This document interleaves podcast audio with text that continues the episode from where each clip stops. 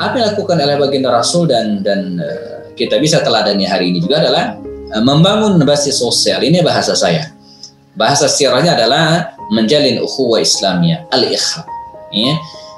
Uh, Nabi tahu bahwa uh, di antara faktor ya yang bisa kita lakukan ya untuk membangun peradaban itu mau tidak mau adalah membangun masyarakat.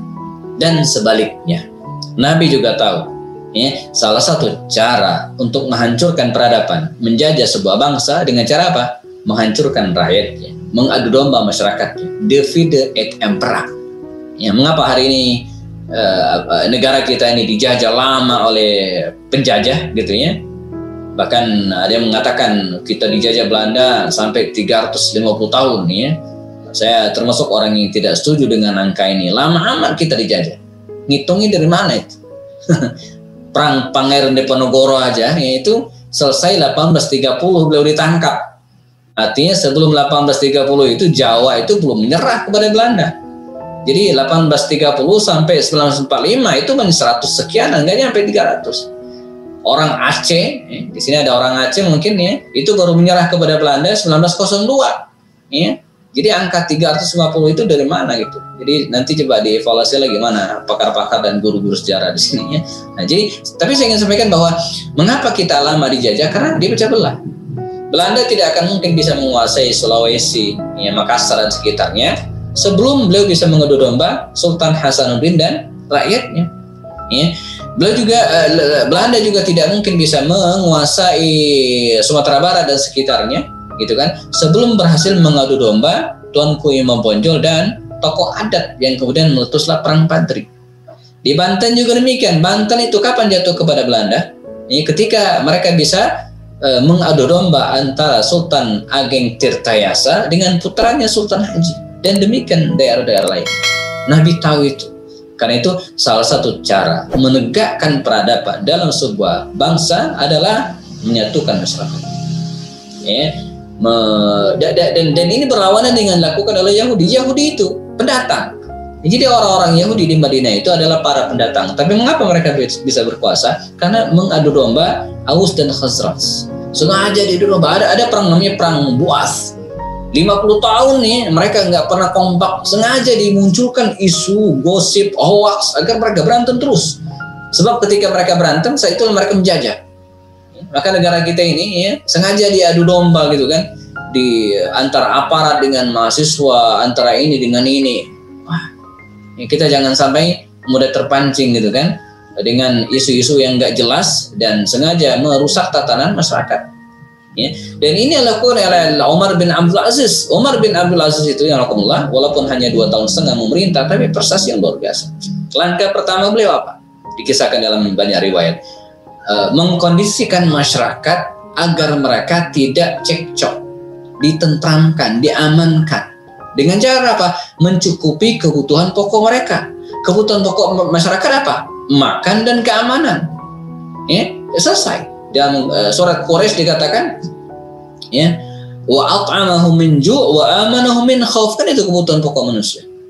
Ya, jarang yang mau tidak banyak yang mau jadi gubernur, tidak tidak banyak yang mau jadi wali kota nggak banyak. Ya tapi kalau makan kemudian terciptanya rasa aman itu diperlukan oleh semua orang. Nah Umar bin Abdul Aziz mencukupi itu. Nah, setelah masyarakatnya tenang, maka Umar bin Abdul Aziz segera mengundang para pengusaha, orang-orang kaya itu untuk ya, menurunkan uangnya dan kemudian disebarkan ke masyarakat lewat investasi atau dengan cara infak dan sedekah. Sehingga dalam waktu dua tahun setengah, ya, Eh, sampai akhirnya orang-orang kaya itu pengen bayar zakat susah karena kekayaan sudah hampir merata dalam lapisan masyarakat Damaskus khususnya pada kali itu. Nah, ini juga yang dilakukan oleh baginda Rasulullah membangun basis sosial dengan mempersatukan kaum muslimin.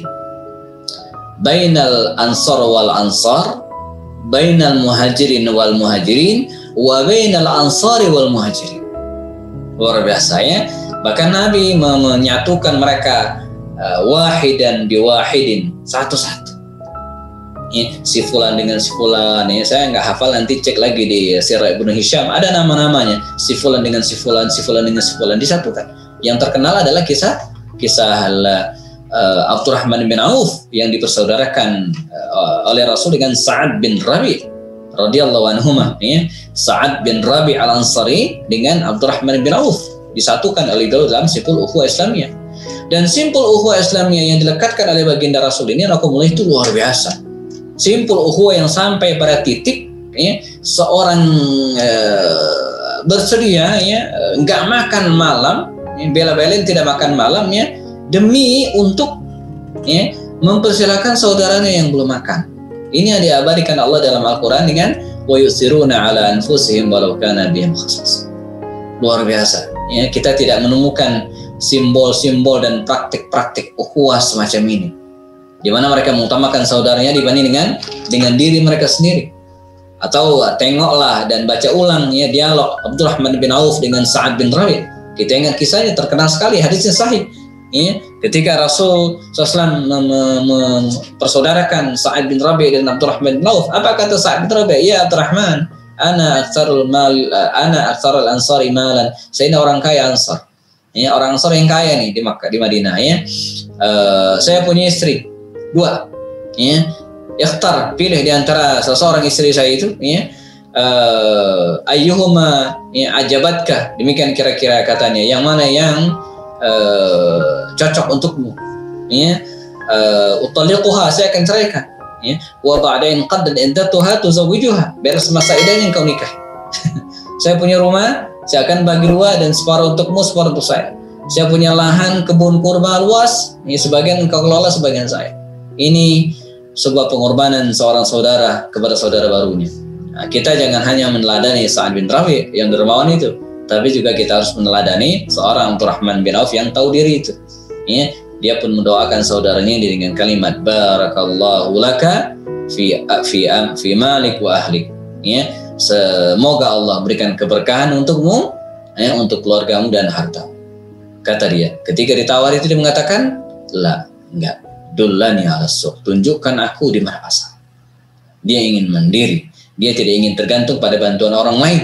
Ya, maka pada zaman now, teman sekalian, di masa kita kena musibah seperti ini, kita tetap harus memikirkan orang lain. Tapi pada saat yang sama, kita jangan ngandalin gitu ya. Kita harus mulai uh, survive diri kita sendiri, ya, supaya tidak memberatkan uh, orang lain.